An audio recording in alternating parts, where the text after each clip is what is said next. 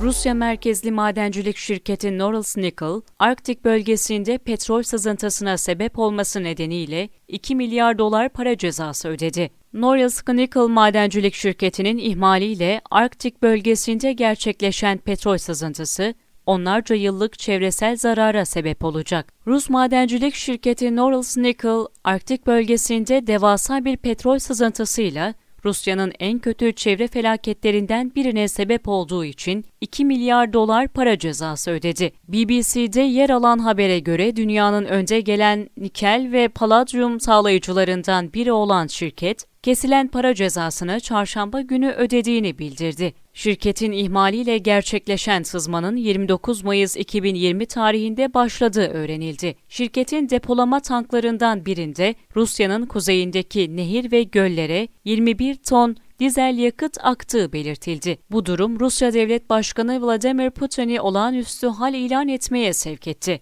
Yetkililer kesilen paranın Rusya'da çevreye zarar konusunda verilen en büyük para cezası olduğunu söyledi. Para cezasının ardından şirketin net karının %39 oranında düştüğü aktarıldı. Rusya'nın Greenpeace iklim projesi yöneticisi Vasily Yablakov'un aktardığına göre sızıntıdan kaynaklanan çevresel zararlar onlarca yıl etkisini gösterebilir. Farklı bir Rus yetkilinin aktardığına göre ise alanın temizlenmesi 100 milyar rubleye mal olabilir ve 5 ila 10 yıl kadarlık bir zaman alabilir.